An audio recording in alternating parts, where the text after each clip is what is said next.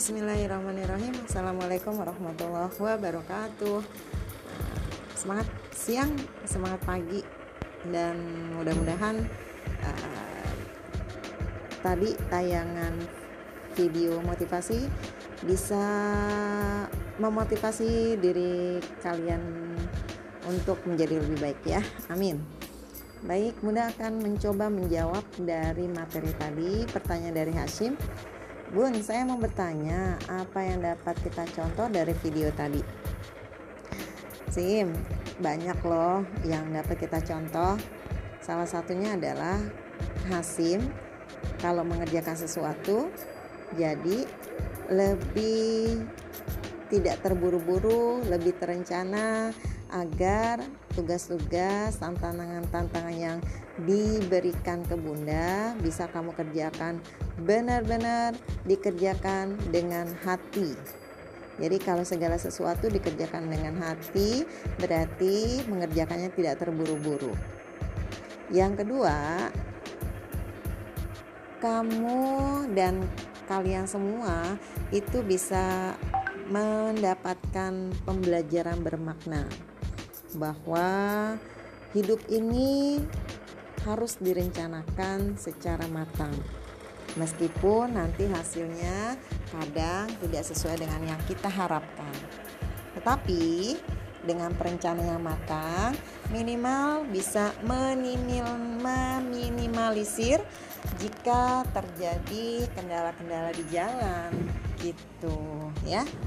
Kemudian yang ketiga yang dapat kita contoh dari video tadi, uh, kamu belajar lebih dewasa, berpikir, bertindak, dan mengucapkan segala sesuatu kita harus dipikirkan sebelumnya, sebelum berbuat. Gitu sih, ya. Kemudian pertanyaan yang kedua dari Rafa uh, Rafa mau tanya bun gimana caranya kalau mau percaya diri itu nggak over eh, tapi nggak over? Kadang orang ada yang terlalu percaya diri tapi terlalu berlebihan. Kalau menurut bunda yang namanya percaya diri entah itu over atau enggak itu tergantung dari orang menilai kita. Jadi biasanya orang yang mengatakan kamu terlalu over yang mengatakan itulah yang sebenarnya tidak percaya dirinya sendiri. Nah, bagaimana kalau ada orang yang bilang, e, "Aku uh, sebenarnya percaya diri, tapi nggak kayak dia loh, terlalu over dia." Nah, itu berarti dia menunjukkan kelemahan dia. Kalau dia mengatakan percaya diri tapi tidak terlalu over, justru keoverannya itu harus dijadikan sebagai sebuah potensi.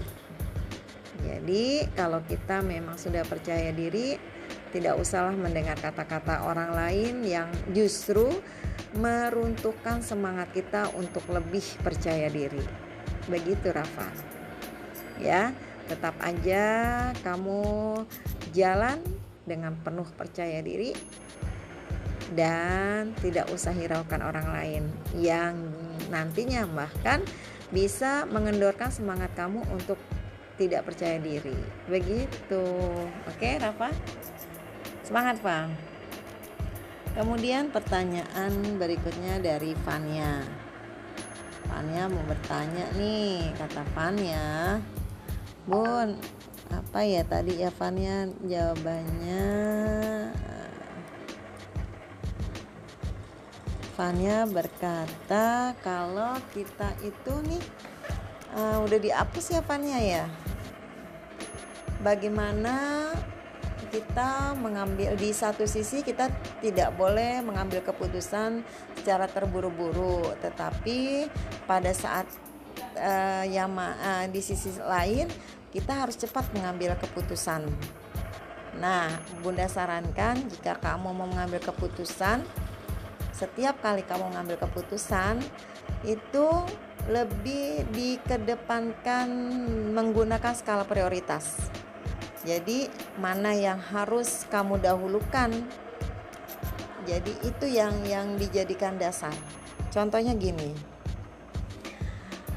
kamu sebentar lagi akan menghadapi uh, ujian nasional.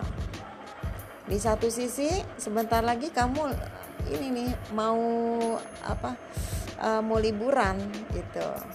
Antara liburan sama pergi ke suatu tempat yang uh, di sana itu bukan sekedar belajar tok, tapi ada rekreasinya.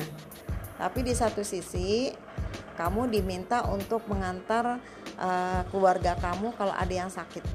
Nah, itu kamu di, dimintain keputusan cepat mau ikut pergi piknik karena kamu liburan atau mau menemenin uh, keluarga kamu yang sedang sakit. Itu keputusannya itu harus seperti buah si malakama gitu.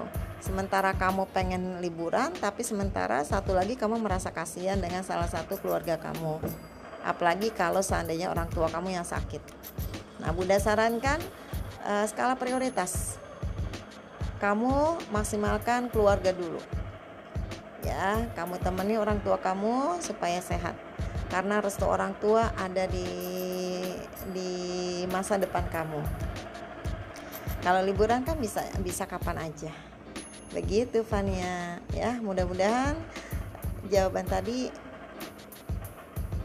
minimal bisa membuat kamu lega dan Bunda tunggu uh, pertanyaan-pertanyaan berikutnya.